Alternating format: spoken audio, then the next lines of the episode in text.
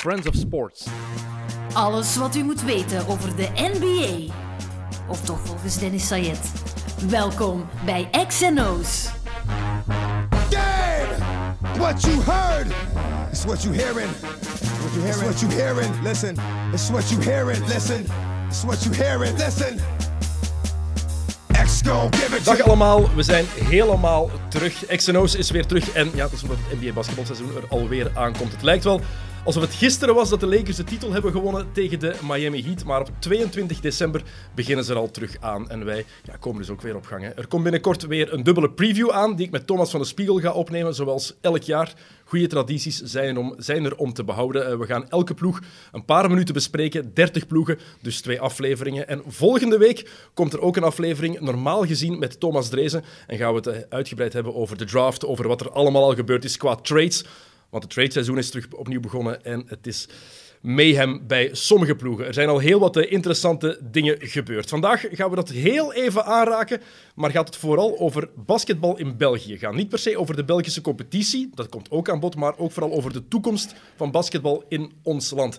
En om daarover te praten heb ik twee mannen met een duidelijke mening daarover. Maarten Wijnands en de meest duidelijke mening van al, misschien Tony van den Bos. Heren, welkom hier in de studio. Hoe is het met jullie? Houden jullie het wat vol in deze vreemde coronatijden? Ja, ça va. Ik ben blij dat Belgisch basket toch weer gestart is. was eh, lang eh, uitkijken. Gaat het starten of niet? Gaat het in januari starten? Gaat het eh, nog later zijn? We hebben toch al een paar leuke wedstrijden kunnen zien. Eh, we hebben drie tv-wedstrijden ook gehad, dus eh, ik ben blij dat de basket terug is. Ja, basket terug onder he- tussen heel veel aanhalingstekens. Daar gaan we het zo meteen uitgebreider over hebben. Tony, hoe is het met jou?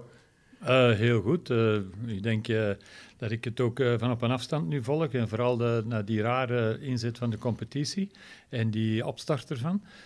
Zaken die we niet gewoon zijn. Dus voor- denk ik voor iedereen een beleving hoe dat we dat coronatijdperk eh, moeten beleven. Ehm, ja, ik vond het altijd een populair biertje, maar nu vind ik het wel heel eh, lastig. Het is inderdaad lastig en het is ook niet voorbij. En trouwens ook even zeggen, mensen die kijken via YouTube, onze studio is een beetje kaal. Eh, Sam Kerkhoffs heeft het mogen versieren vandaag en hij is zo'n Russell Westbrook van dat we dus maar voor één shirt gekozen hebben. Ja, het ding is, ik heb, ben gewoon de shirts thuis vergeten. bekijk Ik ga er niet over liegen, ik ben de shirts thuis vergeten. Dus we hebben één shirt hier maar liggen. Ik al- bekijk dat gewoon niet, dat shirt. Nee. het is allemaal mijn fout, Tony. Oké, het is allemaal gewoon mijn fout. Het spijt me. Ehm, voor we het over ehm, basketbal in België gaan hebben, eh, de draft was woensdagnacht. Heeft iemand van jullie die gevolgd? Eh, nee, ik heb enkel de, de zaken in de tweede ronde. De, de, eh, ja, dus omdat daar een speler bij was die- waar wij enorm veel geïnteresseerd Wie- waren. Wie dan? Marshall, Oké. Najib Marshall. En, maar die is ondertussen dus eigenlijk, dacht ik, richting Sacramento Kings gegaan. De tweede ronde weet ik De niet. tweede weet ronde, ik niet ja, van dus, voilà, ja, dus eh, eh, ik, eh, vroeger volg, volgde ik eigenlijk eh, de voorlijn, nu de achterhoede gevechten. Heb jij gekeken of blijf je daar ook niet voor wakker, Maarten? Nee, nee, nee. Ik heb de draft niet gevolgd. Ik heb de trades een beetje gevolgd. Eh, ik heb nieuws gehoord over de verschrikkelijke blessure van Clay Thompson. Mhm. Eh, maar de draft zelf, nee, ik kan ook niet inschatten hoe goed die jongens zijn en eh, hoe ze het gaan doen. Eh, Ik moet zeggen, het was terug winnen. Ik, daarvoor ik, heb, luister ik naar jou. ik heb wel live gekeken, traditie bij mij ook. En na anderhalve maand niet meer s'nachts naar NBA-match te kijken, dat bioritme, dat verandert echt wel.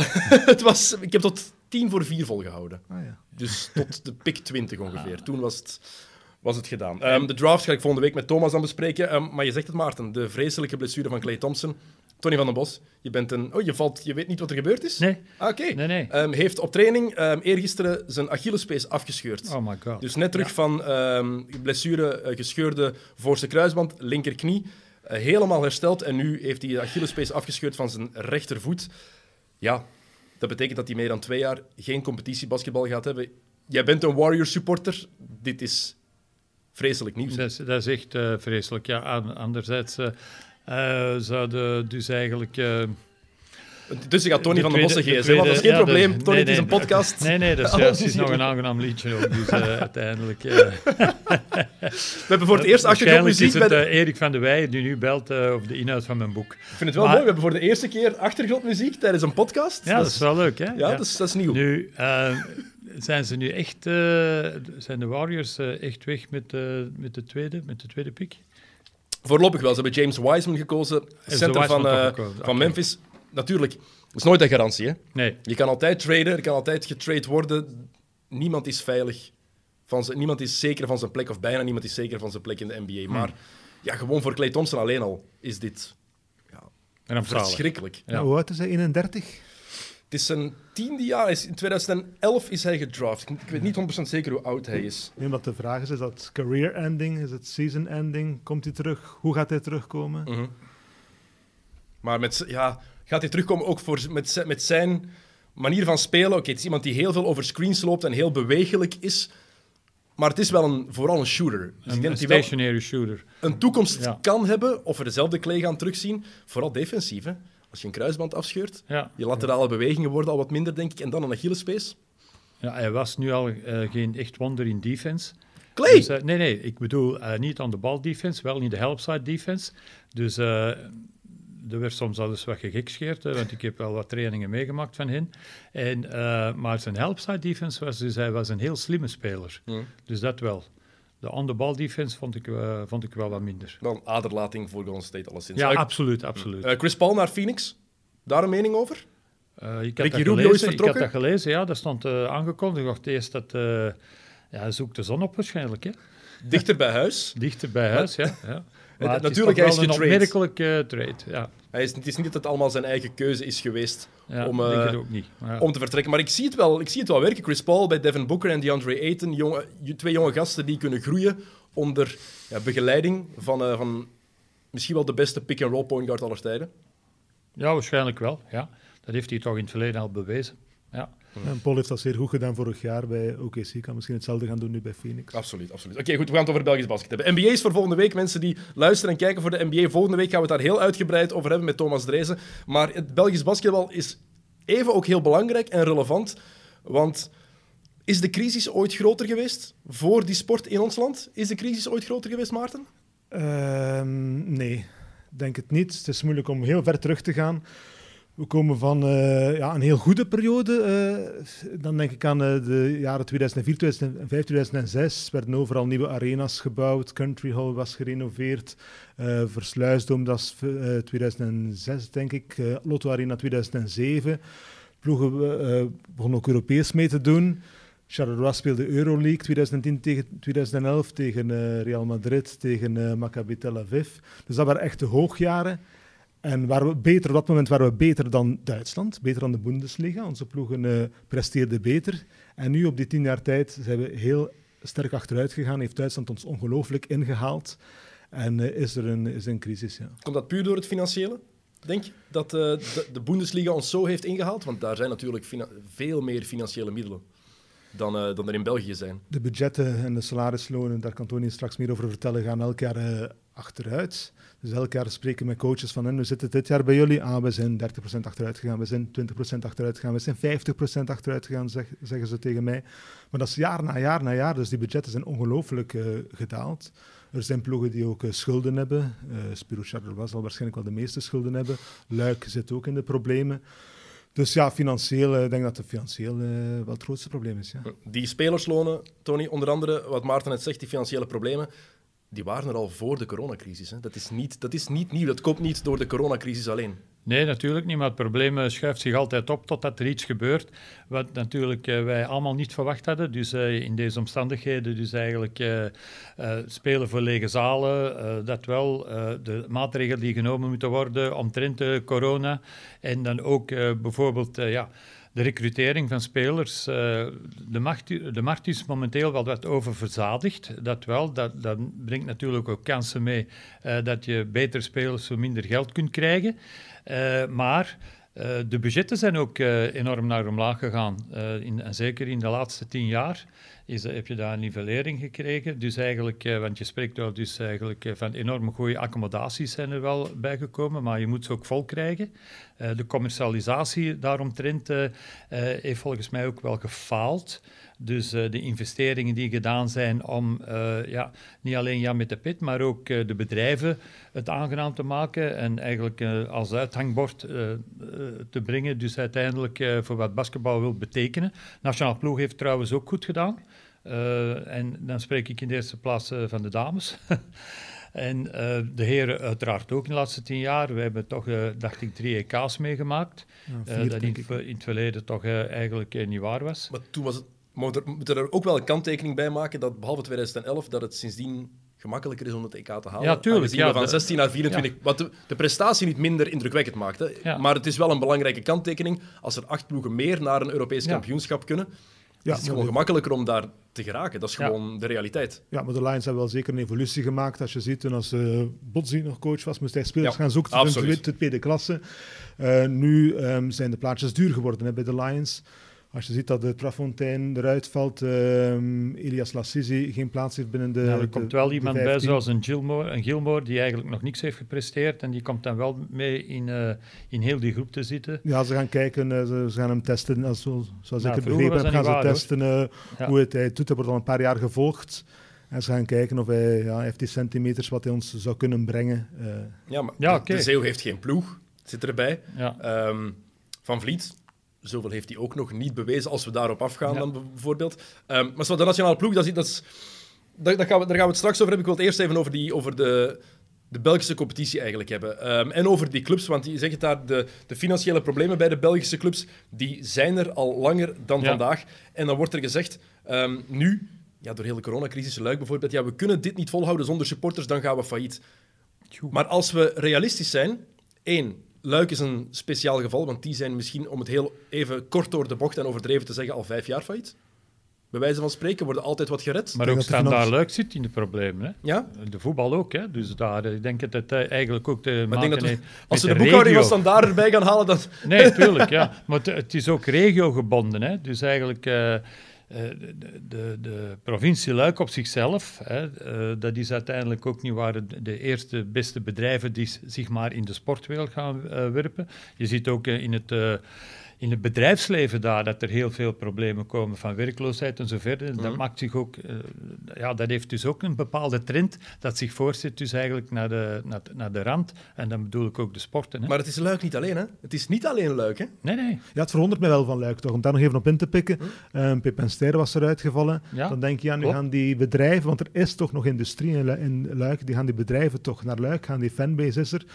Ik denk dat Luik op moment en al lang geleden te ver gesprongen is. Toen als ze die finale gespeeld hebben, dat was heel lang geleden, denk ik, een jaar of tien geleden, dat ze toen te ver gesprongen zijn, dat ze daar nog altijd tot op vandaag de prijs voor betalen en nog altijd niet van die schulden verlost zijn van toen, denk ik. Van uh, in tijd nog uh, met Bastianini. Maar ja, kijk, de meeste bedrijven zijn ook in buitenlandse handen. Dus uh, daar moet ook nog over gediscuteerd en eigenlijk moet het ja, nog die uitstraling hebben, maar ik denk aan Luik ook, zoals je zegt heeft nog geteerd op. Uh, en, ik zeg altijd: geen enkel schuld is gezond. Of je moet kunnen terugbetalen. En uh, dat is natuurlijk iets wat er in, in de basketbalwereld voor het moment gebeurt. Het Bosman-arrest heeft er ook mee te maken gehad, uiteraard. Dus clubs hebben echt geen waarborg meer. Dus tegenover bijvoorbeeld, er zijn clubs die dus aan de stad een lening aanvragen die niet klein, omdat ze gewoon geen waarborg hebben. Ze kunnen ook niks teruggeven. Je gaat, je gaat me nu toch niet zeggen dat je tegen het Bosman-arrest bent? Ik kan niet zeggen dat ik tegen het Bosmans arrest ben. Het heeft, ik heb gewoon gezegd dat de clubs geen maatregelen hebben genomen toen het Bosman-arrest eraan kwam. Is, is, is, om, buffer, probleem... om, een buffer bijvoorbeeld te kunnen opbouwen. Maar ligt het probleem daar niet meer bij, bij de organisatie, bij, bij, de, bij de FIBA dan eigenlijk? Om gewoon ervoor te zorgen dat, net zoals in het voetbal, dat er twee afgegrensde transferperiodes zijn. Ja, maar dat, maar dat staat los van het Bosman-arrest, hè? Ja, wel, ja, maar ja, in de basketbal was vroeger dat je bijvoorbeeld een speler had, dat die eigenlijk een, uh, met zijn transfersom kon uh, ergens uh, naartoe of verhandeld worden. Ik weet, het is spijtig, het is geen mensenhandel, dat weet ik ook wel. Maar dat er dus uiteindelijk toch een vorm van waarborg is weggenomen van die club. Maar toen konden clubs ook zeggen, en er zijn genoeg voorbeelden van toppers die nooit naar het buitenland zijn kunnen gaan of nooit naar een topploeg zijn kunnen gaan, en bijvoorbeeld jarenlang in tweede klasse zijn moeten blijven spelen, omdat de clubs beslisten, nee, jij mag niet weg. Nee, nog Kijk, de is... ja, maar is nog een bescherming van de club, nog uh, van de speler. Uh, van de, met Bosman is een bescherming naar de speler naartoe toegekomen. Hè? En dat was een goede zaak op een manier. Maar de clubs hebben dus eigenlijk geen maatregelen genomen, of de, degenen die de overkoepeling doen van de clubs, hebben geen maatregelen genomen om de clubs nog beter te kunnen beschermen. Maar is dat, is dat, is dat zo'n ja, belangrijke reden, zo'n grote reden voor de problemen die er nu vandaag zijn, Ja. dat Bosman er is? Want mij lijkt het veel... Nee, nee, nee. Veel, mij lijkt, maar is, dat zo cruciaal, wil ik zeggen. Want Dit is er wordt van nu de vooral punten, gewezen... een van de punten. Ja, maar er wordt nu vooral gewezen, Ja. als, je, als we luisteren naar wat de clubs zeggen, nu in deze tijden, deze coronacrisis, zorgt ervoor dat er geen supporters aanwezig kunnen zijn. Geen VIP's kunnen komen eten. ehm, en dat zorgt ervoor dat we zoveel verlies hebben. Wij komen alle drie genoeg in Belgische zalen. De laatste vijf jaar worden die leger en leger. Je gaat mij niet zeggen dat dat zo'n impact heeft op een club. Dat moet toch veel dieper zitten en al veel verder teruggaan. Ja, ehm, ik denk dat die inkomsten van eh, VIP's en ehm, tickets, ticketing, dat dat op 30% gemiddeld is voor op de 10 ploegen. Maar sommige ploegen zitten daar toch nog boven hoor. Ploegen zoals ehm Aalst, die echt lokaal verankerd zijn, die eh 1200 abonnees hebben, die 200 eters hebben op eh, de thuiswedstrijden, die, ehm, die hangen daar nog meer, meer die, die verliezen nu nog meer doordat eh, ze niet voor publiek kunnen spelen. Ehm, maar ik ga mee in het verhaal. ehm, de ploegen die nu in de problemen zijn, die zaten ook al voor corona in de problemen. En ehm, die, worden, die gebruiken ook een beetje corona om, ehm, ja, om de problemen van vandaag eh, goed te praten. Hoe lossen we dat op? Dat is de vraag eigenlijk. Hè? Het, is, Nu, het is een antwoord waar... Er, waarschijnlijk is er geen antwoord op die vraag momenteel. Maar hoe los je dat op? Als ze dit nu gebruiken, deze crisis, om... Ja, de- het is overdreven gezegd misschien weer, maar de problemen te verdoezelen die er al waren. Nu, er zijn eh, al een paar zaken, de oplossingen zijn er niet zomaar voorhanden, denk ik. Eh, Tony van den Bos die naar een podcast ja, komt en het is, geluid eh, van zijn gsm niet aan- aanzet. Ja, nee, Niet nee. afzet. En ik weet... en alles heeft een andere, dus we, een dat is mooi. We andere hebben dus al, een, melo- we hebben al melodie muziek eigenlijk. gehad. Hè. Ja, nu dat wel. Zijn er, zijn er bosgeluiden die er doorkomen. Ja. Gelukkig is Leroy de klanken regelt. die- Ja, ja die, eh, die heeft hij maar hier. Dit mag er niet uitgeknipt worden. Sowieso niet. Nee, natuurlijk niet. Maar ja, ligt, het ligt, de oplossingen liggen niet zo direct voor handen, omdat dus eh, uiteindelijk, ja, het is allemaal een beetje onverwachts gekomen. En ehm, ja, wacht even, want dat is toch wel eh, verschrikkelijk. Hè. Technologie en Tony van den Bos. Nee, ja, het Heerlijk. slechte keuzes. Hè. We zullen allemaal even wachten, Tony, tot het gelukt is dat hij eh Ja, ja ik geluid kan kan hem Maar is een afz- knopje dat je mee kan kan afzetten. hem hè? gewoon afzetten. Zelfs dat lukt niet. Dat is toch ongelooflijk. Ja, dat is... Oh, heerlijk. Ja, Kijk. oké, zo. Ah, voilà. Kijk, mooi. Oké. Nu, om voor te gaan, eh, zeer snel dat vergeten. Hè, gaan we gewoon zeggen, ja, dat ligt niet, echt niet voorhanden om daar zomaar onmiddellijk eh, daar oplossingen voor te zoeken. Eh, iets dat al heel lang aansluimert dat, en dat aanwezig is, dat, los je niet op eh, 1, 2, 3 op. Eh, dat is een feit. En ik denk ook dat het te maken heeft, de- gewoon de commercialisering rond de sport. Dat daar ook te weinig aan gedaan wordt. De bekwaamheid eh, wordt eigenlijk achteruit gezet tegenover bevoegdheid. Dus, en dan heb ik het vooral over de financiële, financieel management. Dat, dat ben ik je bijvoorbeeld ook... eh, bij Aalst bijvoorbeeld heeft ze nu een voorstel voor gekregen van de stad om, in de, om met terugwerkende kracht dus uiteindelijk eh, de zaal niet meer te moeten betalen. En dat is toch al, bij manier van spreken, toch iets. Maar ik denk dat het ook een voorstel is geweest, dus uiteindelijk eh, door het feit dat Aalst momenteel ook niet in staat was om die zaal te betalen. En dat is een, een, een drastische uitspraak, maar het is wel zo. En dat is ook typ- typerend voor andere eh, clubs. Maar hoe komt het dan dat die, dat die financiële problemen er al zo hard waren? Komt dat door dat ze te veel moeten betalen aan de bond of de liga om in de eerste afdeling te mogen spelen? Komt dat omdat de spelerslonen te groot zijn? Want enkel en alleen het budget dat, dat achteruit gaat, dat kan toch niet de enige reden zijn? Er moet ook meer achter zitten dan dat. Ik denk dat er een paar ploegen te ver gesprongen zijn. Hè? Te hoge lonen, ehm, te, hoge, te, te zware contracten hebben afgesloten en daar dan eh, later spijt van kregen. Ik denk dat er drie ploegen in België heel goed werken en dat niet gedaan hebben. Denk Oostende, Antwerpen en Mons ook, die nooit te ver springen. Maar andere ploegen denk je dat er toch, eh, toch te Wel, ver ik, geweest ja, is. ik denk bijvoorbeeld dat men heel goed moet oppassen, omdat we niet zomaar, zomaar iets kunnen zeggen. Maar laatst is er toch in het kader dus van die eh BNE-competitie is er toch een audit geweest. En daar kwam dus uit dat uh, Kangaroos Mechelen en Oostende de enige clubs waren momenteel die een gezonde situatie naar voren konden brengen. En Giants niet bijvoorbeeld. Uh, daar is ook niet over gesproken. Ik zeg niet dat Giants ongezond is, maar laat ons gewoon zeggen wat, wat ik, heb gehoord, dat het geld op is. Hè? Wat ik heb gehoord is dat Giants het grootste budget heeft van heel uh, de, de Euromillings basketball. Ja, ze hebben waarschijnlijk ook de meeste uitgaven.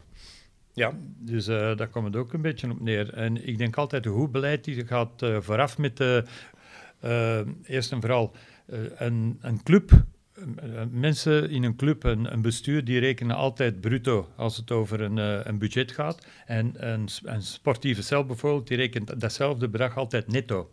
En daar komt het soms dat de ene de andere gaat overtreffen. En het is in ieder geval bruto waar je moet naar kijken.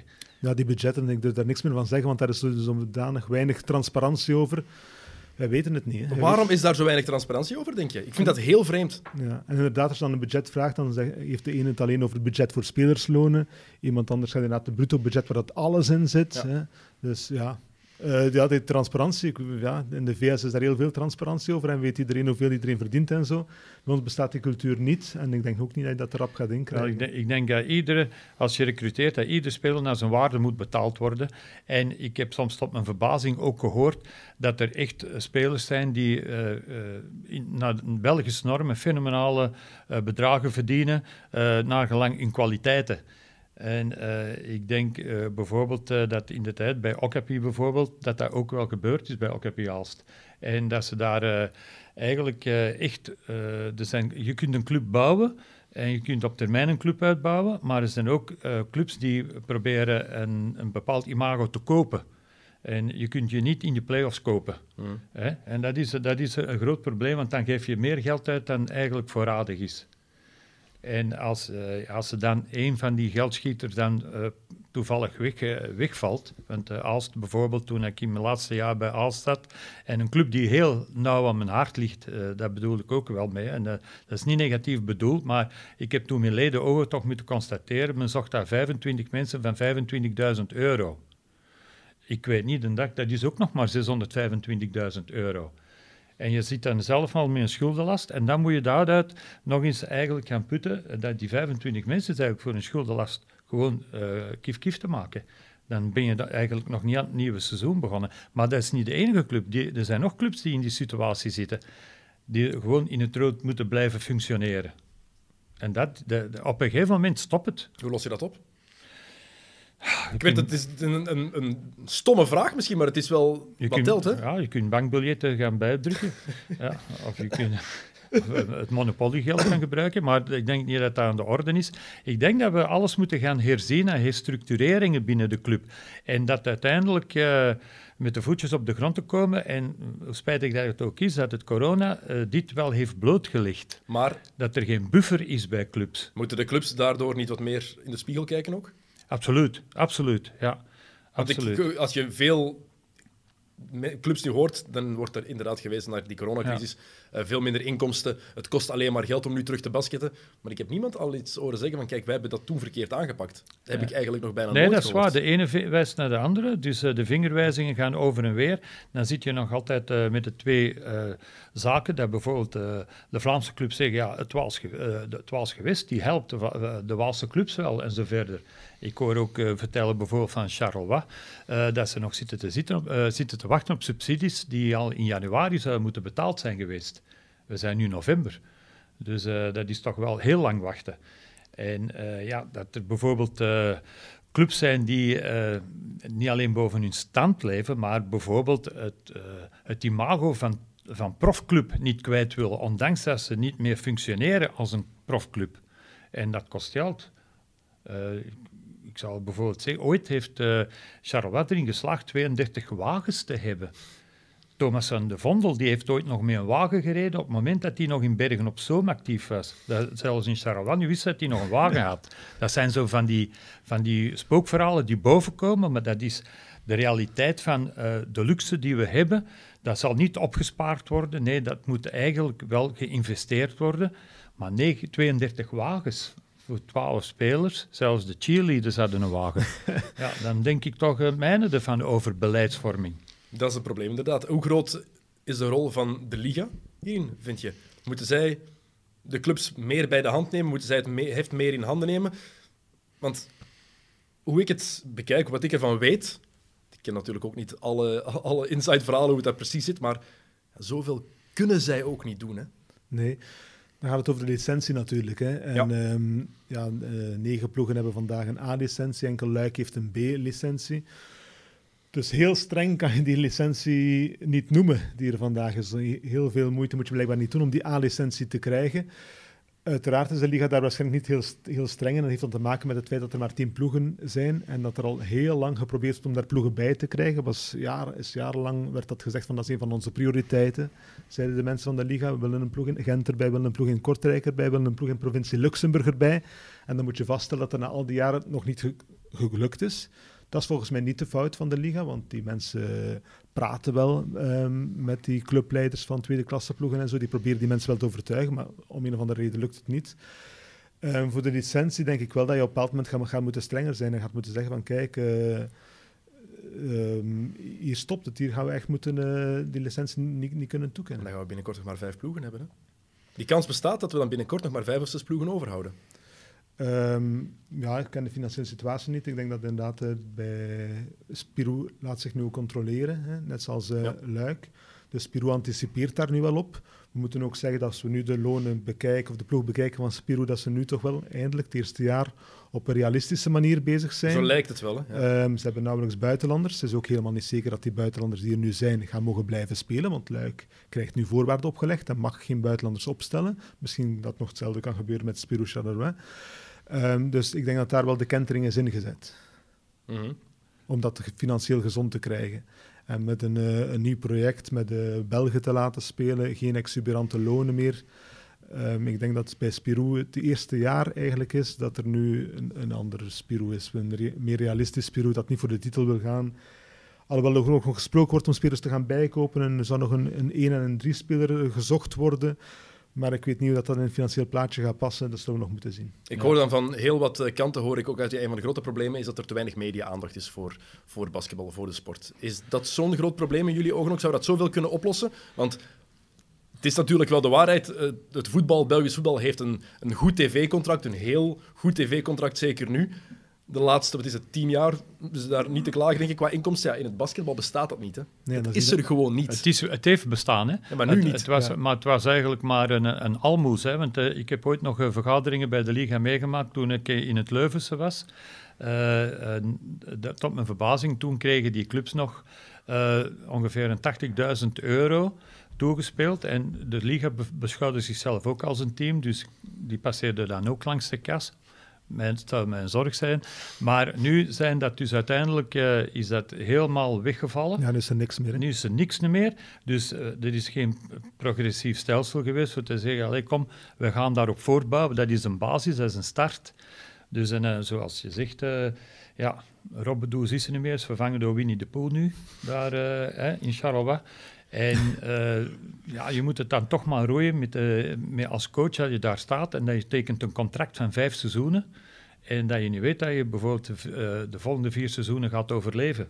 Want ik hoor het allemaal wel goed zeggen dat ze terug eh, willen opstarten en dat ze zich wel financieel terug willen gezond maken. Maar er is een bepaalde wetgeving die dat soms niet altijd toelaat. Hè. Nee, nee, ik ben er ook niet van overtuigd dat Charleroi gaat lukken. Ze zitten met die schuld, ze moeten daar Ja. vanaf geraken.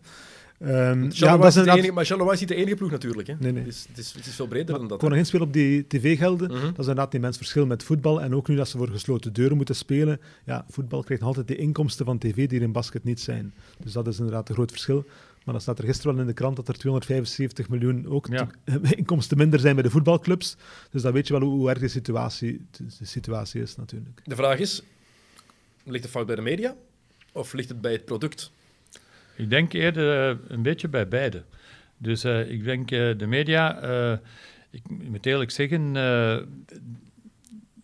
de EMBL die heeft nu ook, zendt nu ook die wedstrijden uit, bij manier van spreken.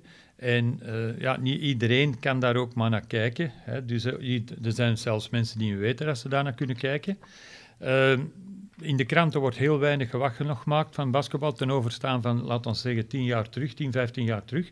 Zeker toen het er nog eh, een paar basketbalpausen aan het werk waren die een volledige bladzijde konden vullen daarmee. Dat werd door Jan de Pit wel in dank afgenomen.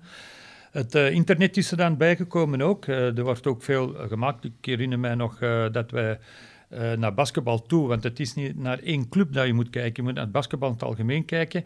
Dat de NBA uit, uit, eh, ja, die, uit, dat wij het NBA in de tijd deden, Mhm. dat we met drie, vier wedstrijden op een, op een week soms uitzonden. En dat dat nu ook eh, heel beperkter is geworden.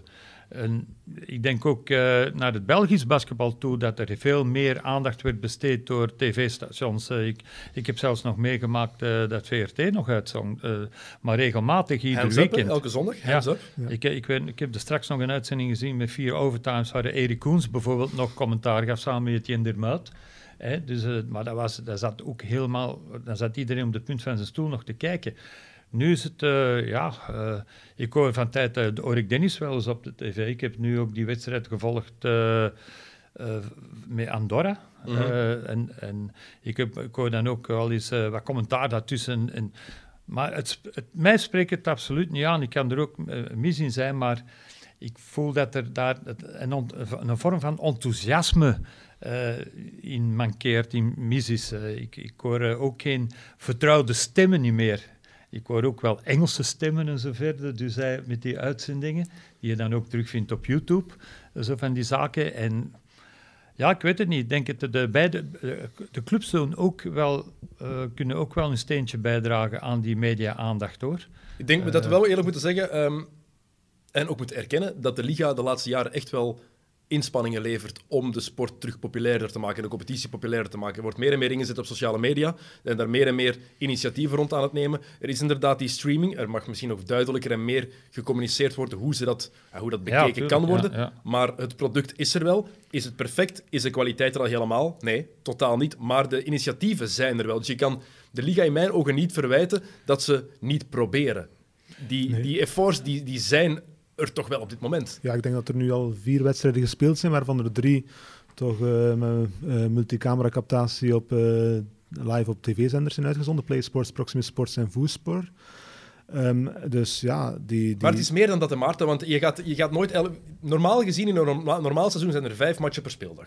Vijf per weekend. En als je wil, kan je ze alle vijf bekijken. Ja, dat wel. Dat wel. Oké, maar dat is toch al een, sta- dat is al een ja, stap dat is, een groot- vooruit. dat is een grote stap vooruit, ja, ja, vind ik ook. De dus je kan de Liga niet verwijten dat ze daar niet, ja, dat ze daar niet, niet genoeg moeite voor doen. In mijn, in mijn ogen toch. Het ding is alleen, lost het dat wel op? Ik vraag je dat van, ligt het aan de media zelf of aan het product? Want als je het mij vraagt, De kwaliteit van het product. is het product... En ik heb het niet over het product hoe het op televisie verschijnt. Ik heb het Nee. over hoe het op het veld is. En als je dat De vergelijkt met kwaliteit. 10, 15 jaar geleden, is het product gewoon niet goed genoeg.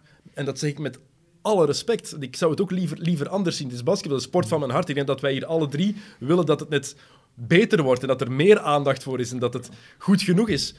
Maar als je kijkt naar, naar de ploegen, één, je hebt al qua competitief niveau heb je weinig. Het is Oostende dat domineert al jaren. Dat zorgt ervoor dat er minder interesse is. Kijk naar het volleybal, daar is interesse ook niet gigantisch voor, omdat je weet, het is toch altijd Maaseigen tegen Roeselare. Altijd hetzelfde. Heb je het competitieformat, dat helemaal je- een lachertje is. Ehm, en als je kijkt naar de wedstrijden, ja, kijk bijvoorbeeld naar Brussels, ploeg die we de eerste speeldag gedaan hebben. En dan zie je drie nieuwkomers. Dan zie je drie spelers die er alle drie, met alle respect, niet uitzien als, als profbasketters. Die alle drie ja. niet in vorm zijn, die eigenlijk niet op het hoogste niveau zouden mogen spelen. Als ik het heel kort door de bocht zeg. Ja, ik denk eh, met Brussels... eh, Bijvoor, ik, ik haal er gewoon nee, een nee. voorbeeld uit. Hè. Nee, dat is maar als je dat ziet, dat ze spijt hebben dat ze basic fit kwijt zijn. dat, dat is sowieso financieel. We Ja. gaan BJ Raymond een abonnement Ja. geven. Maar ehm, ja, ik zou toch willen nuanceren, Dennis, wat jij zegt. Ehm, ik vind dat het product wel, er wel nog staat. Ik vind de wedstrijden die we gebracht hebben wel eh, mooie, aantrekkelijke wedstrijden. We hebben nu drie wedstrijden gebracht. Uh, Brussels-Antwerpen, ik vond dat goed. ik, vond dat Brussels, ehm, ik had Brussels veel erger verwacht. Ehm, Oostende Charleroi was, was zeer goed. Oostende wint een paar dagen later eh, met een heel spectaculaire wedstrijd van Burgos. Mons eh, Leuven was geen goede wedstrijd offensief. eh, lage afwerkingspercentages, maar daar werd dat wel heel hard verdedigd. Eh, Ik denk dat we kwalitatief, met alle respect, dat we moeten zeggen dat Oostende is buiten categorie. Als je kijkt ook naar die ploegen, wat zij op het veld brengen, dat is buiten categorie. Ja, Ja. Met, met, ja, met feit dus ook dat het budget van, eh van Oostende niet altijd in verhouding tot de vorige jaren, dat het ook daalt. Zijn tenslotte ook Telenet kwijt. En eh, ja, ik denk niet dat je daarmee met een, een glasje never kunt oplossen of met een glas bier. Dus uh, Filou sprekende. bier, glas hè. bier, ja. Maar het is wel zo dat ze de recrutering daar eigenlijk wel uh, professioneler is. Dus uh, als je ziet dat bijvoorbeeld een Buissen, dat ze die vijf jaar tekenen, dat is voor mij heel goed gegeven. Maar die jongen zat ook in Aalst. En dat is dezelfde buizen nog altijd van in Aalst. Wat is er dan mis geweest? Dat is dat bijvoorbeeld het recruteringsbeleid bij, uh, bij de andere clubs valt ten overstaan van Oostende, vind ik. Kesseloot heeft ook bij Aalst eerst gezeten. Ja, Ze werkte daar niet hard genoeg met Kesseloot, dus is die vertrokken. Ik, ik, kijk naar Antwerpen. Antwerpen heeft nooit niet de mogelijkheid nu gehad nog Baco te kunnen vervangen, nog Van Wijn te kunnen vervangen. Ze hebben moeten doorschuiven. Het zal ook om budgettaire redenen geweest zijn. Hoe dan ook. Maar je kunt toch uh, bijvoorbeeld iemand zoals een speler die uh, Jenkins bijvoorbeeld, dat die uh, voor mij al geen hoogvlieger was in Limburg, dat die nu plots daar bij Antwerpen dan toch wel rondloopt. Ik vind dat geen goede recrutering. Nee. En, dat is de kwaliteit die je zegt op het terrein brengt. Ik vind het wel goed dat ze wedstrijden kunnen spelen tegen in een, toch een redelijk sterke groep. En dat je dan pas ziet als ze tegen betere tegenstanders komen, welke mankementen er worden blootgelegd. Mm, en dat is inderdaad wat Tony zegt, moet ik, een beetje, moet ik een beetje in volgen. Dat is wat ik ook bedoel met die kwaliteit op het terrein, inderdaad. Als je kijkt naar de Giants, om één ploeg eruit te pikken, die ploeg is veel zwakker geworden dan de voorbije jaren het geval is. Maar dat is een gigantisch verschil. En ze gaan natuurlijk nog genoeg matchen weer in de Belgische competitie. Ze gaan goede dingen doen daar. Maar ben jij overtuigd van wat je al... Van, als jij die ploeg bekijkt en je denkt, dit is eigenlijk de nummer twee in België denk je dan niet van dit is echt wel een, een gebrek aan kwaliteit. En als je dan vergelijkt met, je had het daar straks in het begin over die goede periode van het Belgisch basketbal, als je dat vergelijkt. Ja, de Giants uh, dit jaar, ik denk, ja, die stellen inderdaad teleur. Um, want Oostende uh, ja, steekt er een kop en schouders bovenuit. Um, en het basketbal snakt, Belgisch basketbal snakt naar een nieuwe kampioen. De voorbije jaren was Giants wel dicht. Twee uh, finales op rij heeft, hebben de Giants toch het, eh, het, vuur aan de schenen kunnen leggen van Oostende en dachten veel mensen van ja, dit jaar zou het wel eens kunnen lukken. Het is dan om allerlei ja, redenen niet Toen hadden ze nog Baco, hadden ze nog Van Wijn, ja. hadden ze Paris Lee. En ik denk dat dat dit jaar dus veel moeilijker gaat zijn. En Jason Clark daarvoor. dit jaar um, Oostende... Ja, dit, dit is nu het eerste jaar dat ik echt denk dat Oostende um, gaat domineren, dat, dat, dat, we blowouts gaan zien. Maar dat is het probleem, maar andere jaren heeft Oostende nog, nog, nog veel matchen verloren ook en nog moeilijk gehad ook. Maar dat is gewoon dat, ze, dat het saai werd, hè? Denk je niet dat dat ermee te maken heeft? Ik, ik, heb, ik heb gewoon het gevoel dat het kwalitatief dat het gewoon achteruit is gegaan.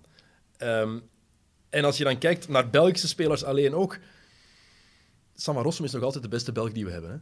Ik denk dat zijn we het daarover eens of niet? Daar zijn we het over De beste Belgische speler die we hebben, denk nog altijd. En ik vraag me af, uh, daar, uh, ja, gaat, Frans Blijenberg de gaat Frans Blijenberg die rol overpakken, maar wat zit er nog aan te komen? En als ik kijk dan naar wat er op de Belgische velden komt, ik zie een paar leuke spelers. Niels van den Einde van Giants vind ik geld of een speler. Louis Hazard, wat hij laat zien, heeft laten zien bij Brussels in het begin van het seizoen. We weten dat hij kan basketten. Maar zijn dat de mannen die je in de hoogste afdeling wil zien? Ik vraag het, het is geen, het is geen veroordeling. Hè? Niels aan het einde kan, uh, die kan op drie seconden van het einde kan die eigenlijk niet bewijzen wat hij in zijn mars heeft. Hè? Dus uh, het, het, resultaat primeert boven eigenlijk de opleiding van bepaalde spelers die ze moeten laten spelen. En misschien is daar een heet hangijzer dat wij moeten gaan investeren in. En daar, daarom snap ik bepaalde clubs niet goed. Degradatie is weggevallen. Dat is al lang dat er niemand degradeert en ook niet promoveert, bij manier van spreken.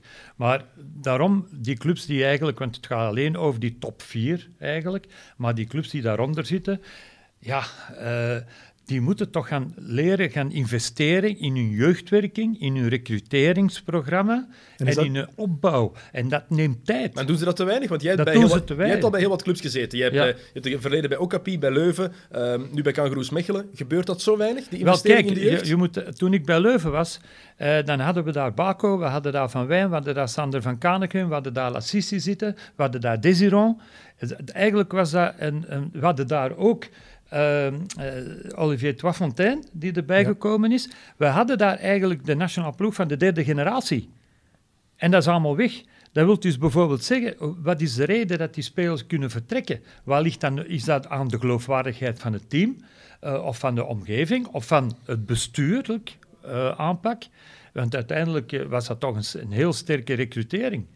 Gaat het, gaat het helpen om om voor de kwaliteit op het veld, maar ook om de financiële problemen misschien wat op te lossen. Om een... Ja, maar er zijn geen transfersommen meer. Maar, gaat het, maar er zijn wel natuurlijk Amerikanen die waarschijnlijk hogere lonen vragen dan Belgische jeugdspelers. Ga ik vanuit. Daar gaat, het, helpen, gaat het helpen om een limiet te zetten op het aantal buitenlandse spelers dat je mag gebruiken? Nou, kijk, Zou dat helpen voor de competitie? Was het een opportuniteit bijvoorbeeld in Antwerpen om een Trevor Thompson bij te nemen als je een Baco hebt? Hm? Daar, daar gaat het over. En salarisgewijs Da, da, dan zeg ik bijvoorbeeld, eh, want uiteindelijk hadden ze daar nog eh, Mosley zitten op die bank. Ja. En dan denk ik, eh daar is toch iemand op overschot. Dat budget had je toch op een andere manier kunnen gebruiken. Ja, dat is waar. Ja, er zijn er ploegen geweest. Ook Limburg heeft altijd de Amerikanen op overschot gehad. Dan die Ja, dat is, dat is voor mij... Dat is, Maar de jeugd krijgt nu, gaat dit seizoen toch wel meer kansen krijgen. Ja, hè? om- door En als- omstandigheden. Ik wil ook een de droog zien spelen bij dit jaar, hè. Bij, eh, eh, bij- bij eh, bijvoorbeeld Limburg. Ja, die gaat wel spelen. denk Ja, ik, dat, als je ik hoop dat die echt gaat spelen. Zou, dat een verschil maken, denk je? Eén voor de interesse van het publiek misschien meer. Want Ja, denk ik wel. Ik denk dat, daar ook al, ik met identiteit. België. denk dat daar ook al stappen gezet zijn. Hè? Ik denk dat de Belgen al veel meer aan het spelen zijn dan de voorbije jaren. Dat is wel een stijgende lijn, die Belgische minuten. Dus dat moeten we ook wel gaan nageven dat dat wel gelukt is. Dat aspect is wel Dat gelukt. klopt, ik denk ook dat de, dat de media dan misschien er meer op zou willen springen. Als er een ploeg Maar is, kijk, bijvoorbeeld. Stel je voor dat, dat, dat Okapi kan verrassen, ik zeg maar een ploeg, dat met, met zes Belgen of zeven Belgen die een cruciale rol spelen. Misschien zou dat ervoor zorgen dat er net nog meer interesse is, omdat we dan kunnen denken, oh, potentieel zijn dat mannen die in de nationale ploeg kunnen terechtkomen.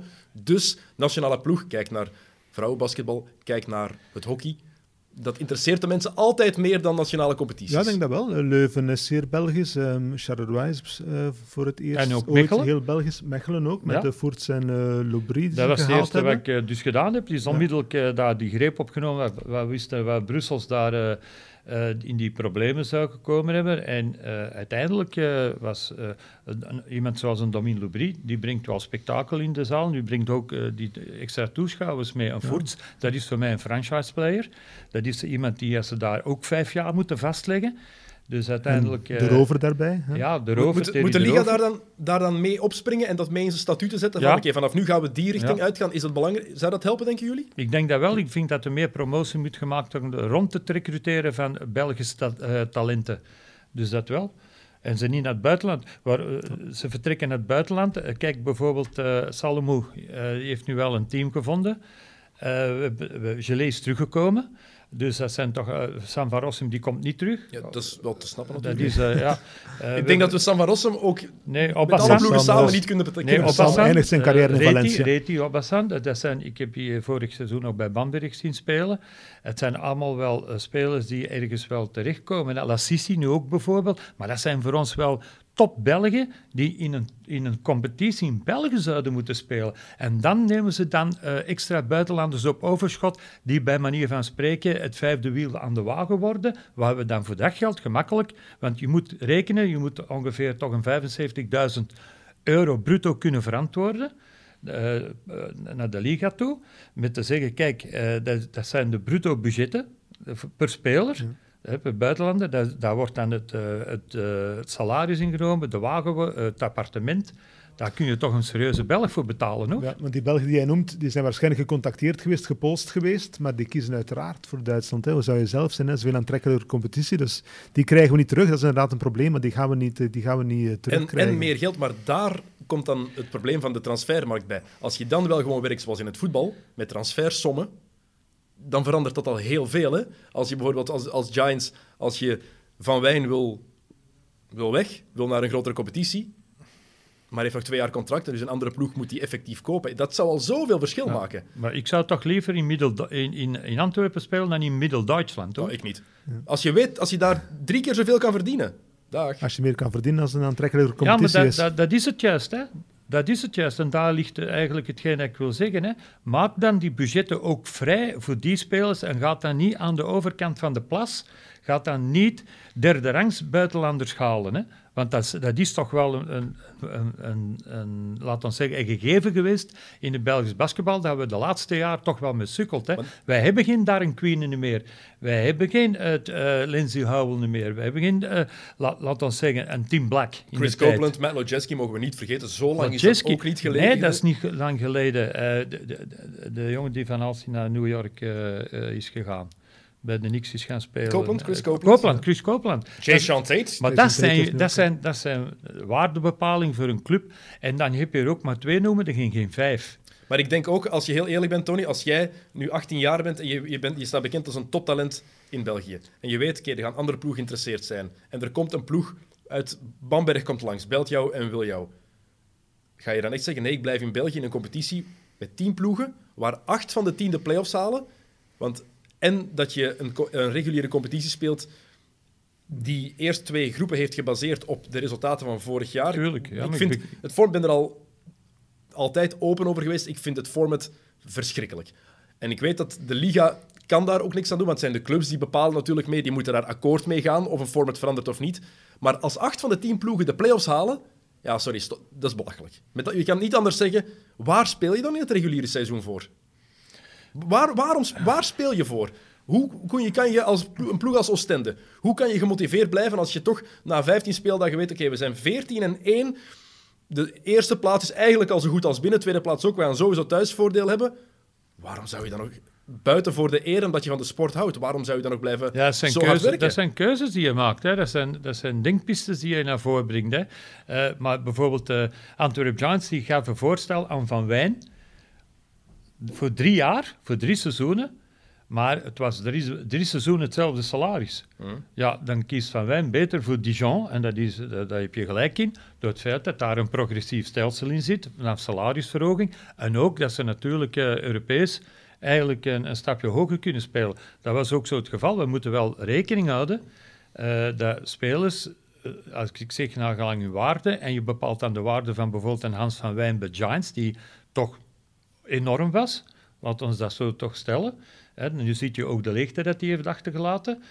Dan probeer je toch ten alle kosten die speler te behouden en dan ga je toch niet achter een derde rangs buitenlander aan. Nee, maar ik denk dat het toch een beetje dopisch is Dennis gaf daar juist het voorbeeld van uh, als Bamberg langskomt, daar kan geen enkele Belgische ploeg Natuurlijk tegenop. niet. Ik heb, ik daar kan je niet tegenop. Als je, zelfs, zelfs Dijon. de Rijken, Dijon ken ik het budget niet, maar, maar als de, het de, Rijken van heeft, Hans van Wijn gewoon... de Rijken heeft het budget uh, gezegd uh, waarmee je kon werken bij Bamberg, Ja. was zoveel groter dan wat hij bij Antwerpen had. En maar puur, puur sportief alleen al, Maarten. Sportief ook. Hè, ja. Als je los van het financiële, want daar heb je een punt, Tony. Inderdaad, financieel is het al... Maar ja, natuurlijk, de clubs hebben zoveel financiële problemen in België dat de lonen omhoog zouden gaan, lijkt me op dit moment even een slecht idee. Maar puur sportief al. Ja, dan is een Franse Kijk. competitie toch voor een jonge gast, of voor een gast die, dat denkt, die denkt van, ik sta bijna in mijn prime, is dat veel ja, dat interessanter. is veel aantrekkelijker. Ja. Ja, je, ga- je gaat bijvoorbeeld eh Oostende, eh, bijvoorbeeld Mons niet wisselen voor, eh voor Oostende wel, maar niet omgekeerd bijvoorbeeld. Hè, dan, er zijn andere opties altijd. Hè, dat wel, maar ik heb meegemaakt dat bijvoorbeeld toen ik in mijn laatste jaar hier in België coachte, dat was dan toevallig bij Aalst, dat bijvoorbeeld een jongen zoals Bill Amis, dat hij dus daar speelde en dat hij dus uiteindelijk, met, zelfs met een slechte knie, dat hij daar 90.000 eh, eh, dollar verdiende. Hè. Dus dat was een heel progressief ding. Die gaf mij twee rebounds en twee, en twee punten. Maar Bill, Bill Amis was twee jaar daarvoor een heel goede speler, totdat hij kwetsuurde was. zeggen, twee rebounds en twee punten, dat kunnen wij ook. hoor. Maar ja, op dat, maar op dat moment moet je als club durven de knoop doorhakken en zeggen, kijk, Bill, met alle respect, maar we gaan hier aan tafel zitten en we gaan in dialoog gaan en je gaat je contract, we gaan dat want wij kunnen, je bent gekwetst en dat gaat Maar, niet. oké, maar als ik, als ik de speler ben, Bill Ames in dit geval, en de club komt naar mij, dan zeg Weet ik, het. staat op papier, jammer, staat- sorry, ja. ik, ik ga geen, niet minder Ja. geld verdienen omdat jij dat nu beslist. Je hebt mij toen het contract Nee, gegeven. maar het is van het allereerste, als je hem recruteert, dat geef je geen drie jaar dus aan een, aan een speler op die, met, met dat salaris, als je weet dat het bijna eh, een, een, twaalfde van heel je budget opslorpt. Ehm, het format. Zou het niet gewoon helpen als we in plaats van acht van de tien naar de playoffs, gewoon vier naar de playoffs gaan? Ja, en dat wel. Heel wat clubs zeggen, ja, maar dan gaan we, gaan we geen playoff match hebben. Ja, die ene match, die ene match zonder eters gaat het verschil echt niet maken. Sorry. Ja, eh, eerst zou ik, ja, op het eerste gezicht zou ik zeggen ja.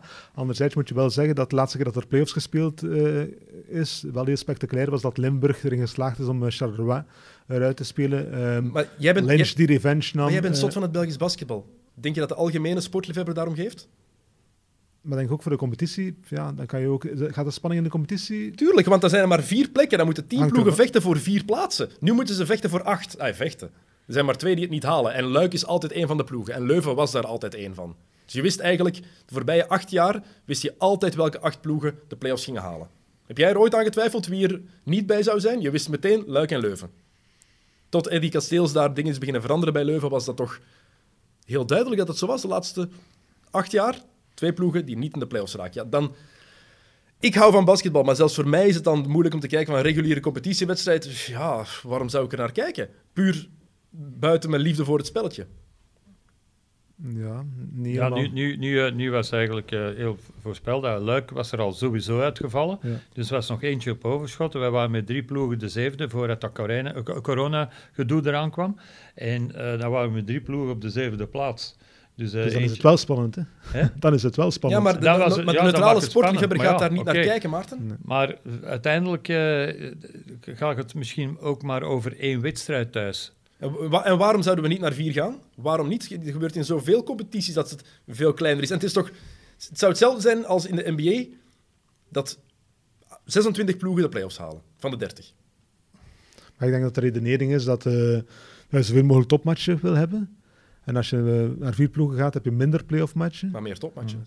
Ehm, ja, ik zeg maar, het was, de, de, de ronde daarvoor was soms wel ja, waren goede wedstrijden. Dus Maar ik vind, we, je we- moet- we je zien het ook aan de cijfers van de mensen die kijken naar de Belgische basketbalwedstrijden. Daar moet daar eerlijk in zijn. Die zijn niet in stijgende lijn. Integendeel. Als je kijkt naar de Jupiler Pro League. Dus eh, als ze die tweede, die, die- niet de groep die de eer, maar de tweede. Play-off en play-off ja. komt- daar- Play-off 2 komt geen kat naar kijken. Dus, eh, en eh, je moet de spelers, eh, en ook in basketbal, moet je spelers een maand langer betalen. Want uiteindelijk loopt dat misschien over een wedstrijd, maar je moet ze wel een maand betalen. In Nederland wordt dat anders opgelegd. Dan word je per dag betaald met de play-offs. dat systeem hebben ze daar ook. En de bonussen moeten ook uitgekeerd worden, want sommige clubs zijn nog zo gek van daarin te zetten dat er wanneer het er een bonus, een bonus wordt uitbetaald wanneer de play-offs worden behaald. Dus eh, degene die achtste eindigt, heeft, daar wordt ook nog eens extra aan betaald. En dan kom je tegen nummer één uit en dan word je gewoon geëlimineerd Mm. na één wedstrijd al. En, eh, maar je moet ze wel betalen. Je hebt, een eh, budget dat je eigenlijk naar het volgend seizoen kunt overschakelen. je hebt het al genoemd, Nederland. Als we er objectief naar kijken, niet iedereen is er fan van. Ik weet, jij ik bent er ook niet voor, Tony, maar is de Beneliga niet gewoon de enige oplossing die er nog is? Wel, ik heb van de week eh, nog een eh, lang gesprek gehad, een uur ongeveer, met Okke de Velde, de patroon van eh, de, de Nederlandse liga eigenlijk. En eh, het kwam er eigenlijk op neer eh, dat hij eh, op een gegeven moment zei, ja, we moeten van- van Zwolle, als we naar Oostende moeten rijden, eh, dan moet er altijd een overnachting bij zijn. Mhm. Als dat een door de week logisch. Ja. En daar, zijn, daar is geen geld voor. Ja. Dat is heel simpel. En dan kun je bijvoorbeeld zeggen, we maken een deal met een Ibis hotel. Dat kan. Maar je moet ze nog zover krijgen dat je die deal rondkrijgt. ja, er is inderdaad eh, een hoger budget gaat nodig zijn hè, voor de ploegen die binnenliga gaan spelen. Al is het voor die overnachtingen, anders voor andere bussen, die slaapbussen waarmee dat ze dan gaan kunnen rijden, zoals ook in, in andere landen wo- wordt gereisd, als in Duitsland maar en in Frankrijk. weet je dat er in Nederland... Ehm, eh, dus die budgetten gaan hoger moeten. Ja, maar driekwart van de, van de spelers die daar spelen, werken. Ja, dus daar is, Ik heb die ervaring toch zelf meegemaakt, twee seizoenen in Nederland. Alleen het budget 1,7 van eh, Groningen is toereikend genoeg voor een echt profteam. Dus voor ho- hoeveel clubs uit de Belgische en Nederlandse competitie zijn jullie effectief in staat om de Beneliga te halen, om daarin te spelen? Ja, misschien is dat wel een opportuniteit om dan toch nog het niveau naar boven te, te krikken. Om hier te gaan zeggen van dit is alleen voor de topclubs. We maken daar van die binnenliga een echte topcompetitie. Met alleen de topploegen uit Nederland en de topploegen uit, eh, uit, uit België. Dat kan misschien een opportuniteit zijn, een trigger zijn om toch nog dat professionalisme, want we steven af hier ook in België op semi-professionalisme, om toch nog dat professionalisme er, erin te krijgen. En dan ook de Belgische En competitie ook te behouden, wil je zeggen? Twee competities te hebben, of hoe zie je dat dan?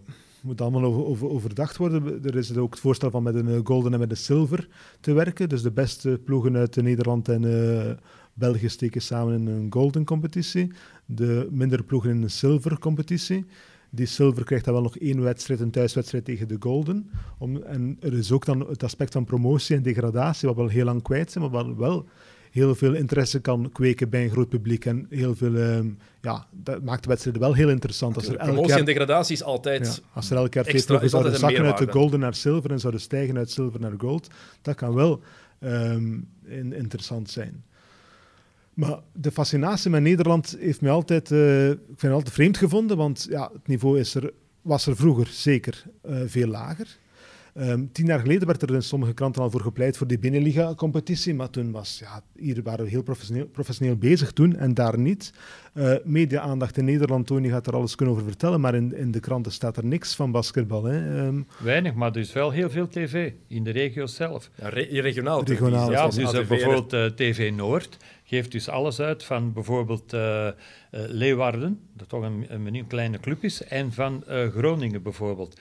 Dan heb je de regio met Leiden, die dus ook een regionale tv's hebben allemaal, maar heel Nederland kan dat bekijken. Hè. Daar gaan, maar daar gaan ze het geld niet mee verdienen, dat is ook het probleem. Nee, dat, dat is, de budgetten liggen anders, maar er is één zaak wat ze in Nederland wel hebben, dat is dat clubs, eens dat ze aan aan de rode lijn komen, dat wil dus zeggen dat ze naar een schuld zouden moeten toegaan, die stoppen gewoon.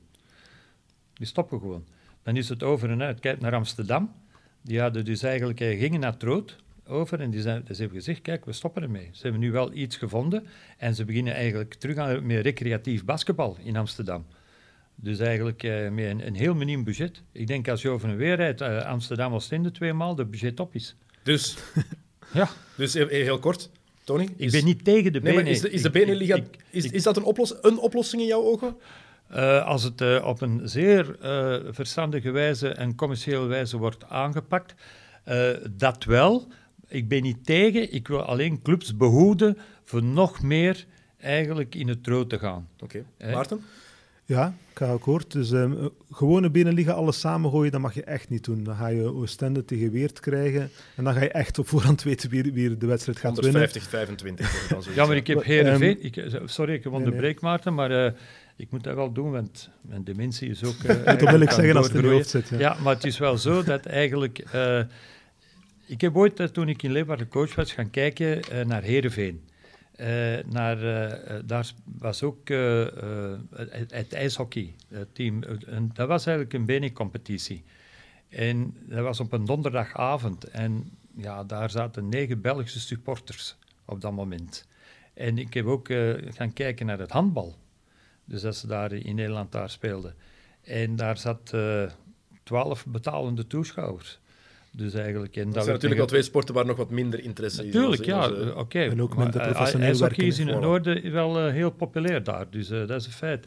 Maar ik wil maar gewoon zeggen, we moeten voorzichtig zijn dat we daar niet in de impasse geraken van die sporten, van te zeggen, kijk, er moet echt werk van gemaakt worden. En ik hoor nu ook dat die...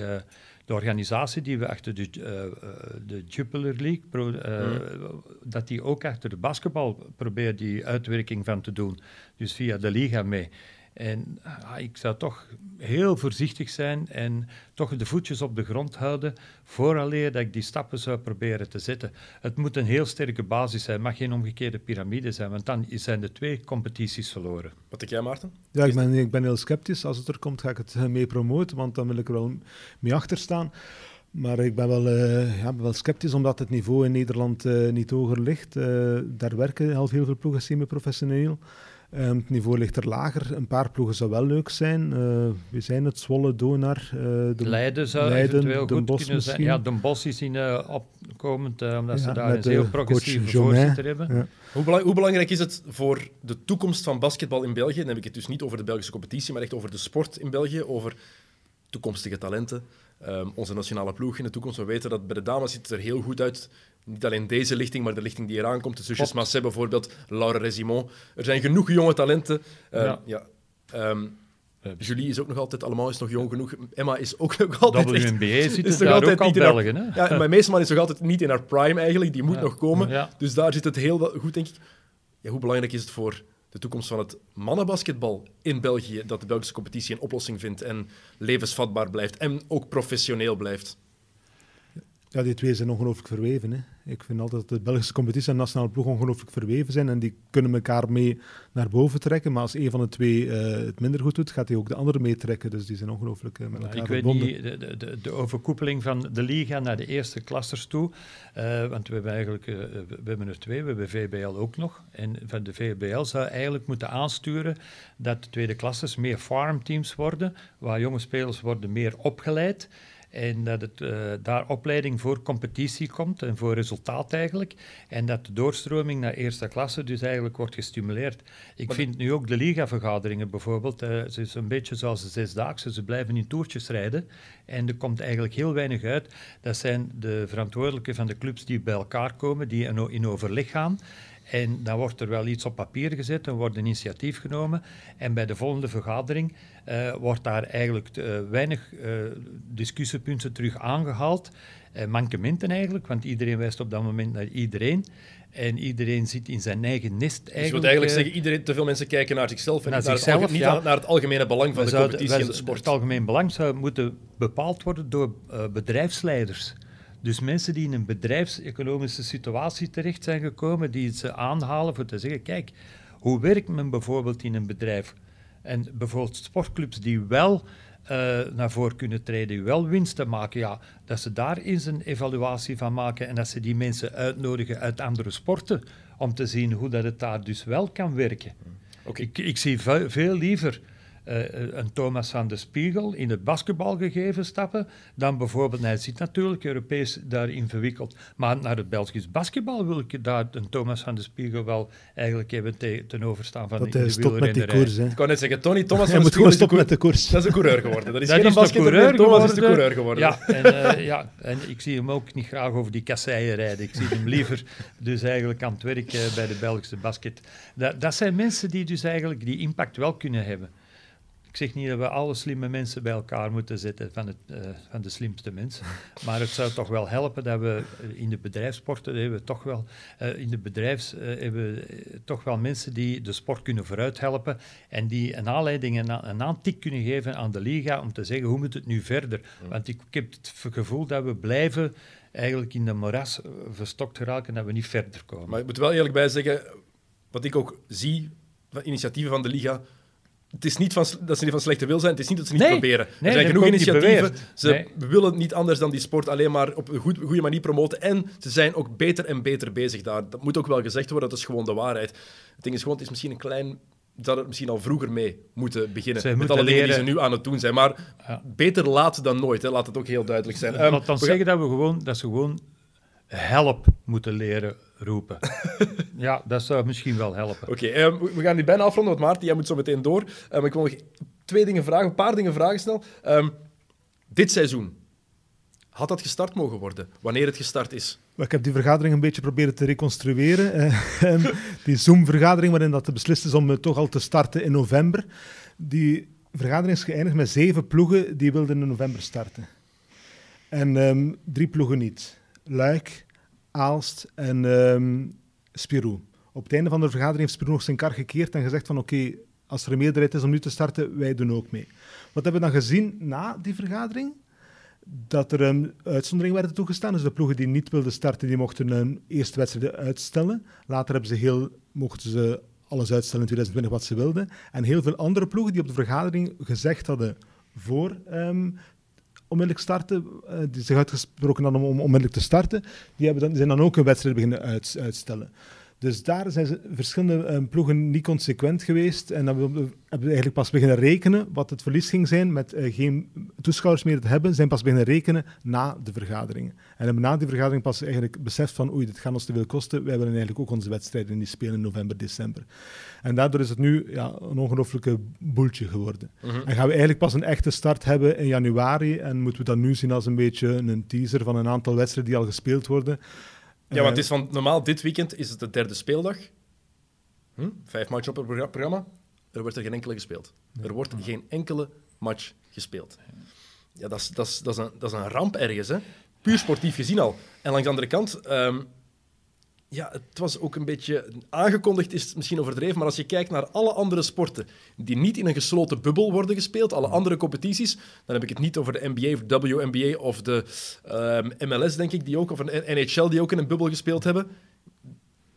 In alle andere sporten zijn er besmettingen. Dat is gewoon de realiteit. We zijn allemaal geen viroloog, we kennen, we, kennen allemaal niks van de medische kant daarvan, we gaan er ook niet over uitspreken. Het enige wat we weten, in elke andere competitie die niet in een gesloten bubbel zat, zijn besmettingen geweest. Dus dan is het logisch om te denken, er, zal, er zullen er ook wel in de Belgische competitie volgen. Ja, dan gaan er nog meer matchen uitgesteld worden. En ik denk dat dat gewoon een logistieke nachtmerrie wordt voor de Liga. Nu heb je Luik al, speelt geen match in 2020. Je hebt zoveel ploegen die zijn thuismatchen uitstellen. Je hebt andere ploegen die beslissen, we gaan pas in december spelen Ja, dat is, dat is toch een sneeuwbaleffect? Ja, ook de wedstrijden zijn ook niet omgedraaid. Hè, want op een bepaald moment heeft ehm, Leuven een heel belangrijke rol gehad op die vergadering. Leuven heeft op een bepaald moment gezegd van we gaan onze partners verliezen, dus wij moeten Mhm. starten. Eh ABN bij veel liever partner zijn van iets dan van niks. Ja. En veel ploegen zijn erop ingesproken. Ah ja, Philo ook, Telenet ook. We- ja, als we niet naar buiten komen, hebben we helemaal niks meer. Dus we gaan starten. Ehm, maar Leuven heeft ook niet, wil dan ook niet zijn wedstrijden omdraaien. Wil niet nu al thuis tegen Aal spelen en pas naar, en wat ook begrijpelijk is. Hè, waarom zouden ze dat moeten doen? Maar, maar daardoor Leuven, die eigenlijk voorstander was om al te spelen, heeft nu ook geen wedstrijd tot en met eh, 19 of 26 febru- eh, december. Die liggen nu ook 19 bijna. bij ons. Ze komen, die wedstrijd gaat zeker door op Kangaroos. Ja, als er geen besmettingen zijn. Hè. Want Kangaroos ook. Hè. Kangaroos heeft ook ehm, gestemd om te starten, maar heeft ook al twee wedstrijden uitgesteld. Ja, de wedstrijden, Tegen de, de Oostende en tegen Antwerpen. waar we nog altijd hoopten dat er dus nog, een, nog publiek zou kunnen aanwezig zijn, dat is Antwerpen. Thuis tegen Antwerpen, thuis tegen Oostende, twee topwedstrijden. Ja, maar dan is het niet ons. consequent met de houding op de vergadering wanneer je zegt van ik wil, ik wil starten. Maar het is zoals gezegd, eh, er zijn verschillende meningen naar voren gebracht. Eh, in het artikel bijvoorbeeld van eh, Pat Keulemans las ik dat wij voor eh, 2020 eh, alles hadden uitgesteld, maar dat is niet waar. Want de bekerwedstrijd op Nee. 13-12 gaat wel door Ja, tegen Brussel. En op twee. 19-12 ook tegen Leuven. Dus alleen die wedstrijden die van Antwerpen zijn verzet naar 3 januari. Ja. Ja, omdat we dan toch wel hopen dat het toch met publiek zou kunnen gebeuren. maar de communicatie van de ploegen is ook ongelooflijk verwarrend. Ja. Als je kijkt naar eh, Limburg, op de, als je de site open doet, dan staat er de twee, thuiswedstrijden, twee eerste thuiswedstrijden worden uitgesteld. En dan, dat klopt, ze hebben die al uitgesteld, dat was, die zijn nu al gespeeld, die zijn niet doorgegaan. Maar als je dan kijkt, is de wedstrijd met kerstmis ook uitgesteld. Maar dat zie je alleen maar op de kalender, dus de, de ploegen communiceren ook helemaal niet we transparant. spelen bijvoorbeeld 26 december wel op Oostende. Ja. Dus Het is- dat wel. Wij, wij zijn hard bezig met het Belgisch basketbal, Maarten, ook als journalist. En wij kunnen soms niet meer volgen. Dus wat moet dat zijn voor gewone mensen, voor, voor gewone kijkers, voor mensen die gewoon casual het basketbal volgen? Gewoon zo, ja, ik wil wel eens een matchje meepikken. Ja, die zijn helemaal niet meer mee. Hè. Dat, dus, Het erge het van is heel de zo, situatie... die communicatie is zo belangrijk, wat je daar ja, zegt. Ja. Dat, is, dat is waar. En, maar het, je hoort dat ook, eh, hoe dat de clubs dus teruggrijpen naar die noodmaatregelen. Want je zegt bijvoorbeeld eh, voor wedstrijden uit te stellen. Er zijn ploegen die bijvoorbeeld in de financiële eh, shit zitten eigenlijk. Die als je technisch werkloos hebt, dat ze dus kunnen terugvallen. Dat, dat het voor hun financieel wel eigenlijk interessant is om technisch werkloos Ja. te zijn. Want dan moet je maar, want in de meeste contracten van de spelers is ook het coronagegeven eh meegegeven naar de agents toe. En dat bijvoorbeeld eh, dat je dan terugvalt op een, eh, dat ze op een loon van 1700 euro. Wanneer je bijvoorbeeld, eh, en dat is toch een, redelijk wat minder dan de doorsnee eh basketspeler die dat verdient. Dus clubs die in financiële nood zitten, die kunnen dat, dat is een verademing voor hem, moesten ze Al- technisch alle, werkloos ploegen, zijn. alle ploegen maken daar vandaag gebruik van. Hè? van Natuurlijk, absoluut. Alle ploegen, Ja. Oostende, alle ploegen ze, maken hebben daar het, ze hebben het recht vandaag en ze doen ge- het ook. gebruik van. Het blijkbaar helemaal afgetoetst met RSZ, is een volledig Ja, legaal verhaal. Ehm, dus alle ploegen maken daarvan gebruik en dan maakt het zelfs niet uit of je speelt of niet. Nee, Nee. Maar je, dan moet je ook rekening houden dat er een zeer strenge controle is, want je kan ook niet trainen. Nee. Want eh, je hebt veel controle van het RZ-gedoe, eh, dat wel. En eh, omdat je bijvoorbeeld, als je technisch werkloos bent, mag je ook niet trainen. Ja, maar Want er is een systeem dat werken. je, als je... Er is ook een systeem van... Het is niet voltijds dat ze technisch werkloos zijn, dus dan mogen ze wel trainen, omdat het, het is, geen, het is halftijds. Ja, maar het is, technische het is in werkloosheid. de, in tweede, in, in de- het is onder de, ehm, onder de taalgrens is het nog anders dan eh erboven hoor. Het, het heeft, wij worden bijvoorbeeld ook tweemaal per week getest. Ja. Dus ik heb, wij hebben morgen een wedstrijd, een oefenwedstrijd, eh, dus, eh, op Aalst. En vandaag worden, eh, om half drie worden spelers getest. Dus als er bij ons iemand moest eh, positief zijn, dan gaat die wedstrijd al niet door. Dus dat is hetzelfde het geval met Aalst. Zelfs moet ik eh, even bellen met Aalst. Zijn jullie positief of zijn er negatieve? Nee, het is goed, dan kan die wedstrijd doorgaan. Ook het vervoer bijvoorbeeld eh, brengt problemen mee. Want eh, bijvoorbeeld, je moet 48 uur op voorhand een, eh, een autocar bestellen. En je wordt een dag ervoor maar getest. Dat er één positief moet je autocar afbesteld worden, maar die moet wel betaald worden. Het zijn dus allemaal die zaken die erbij komen. Het zijn die nevenverschijnsels die erbij komen. Oké, Dus we, gaan, we, gaan, we gaan snel aan afronden, want jij moet echt, jij moet echt vertrekken, Maarten. Ja. Ik heb twee vragen voor jullie allebei. Vraag 1.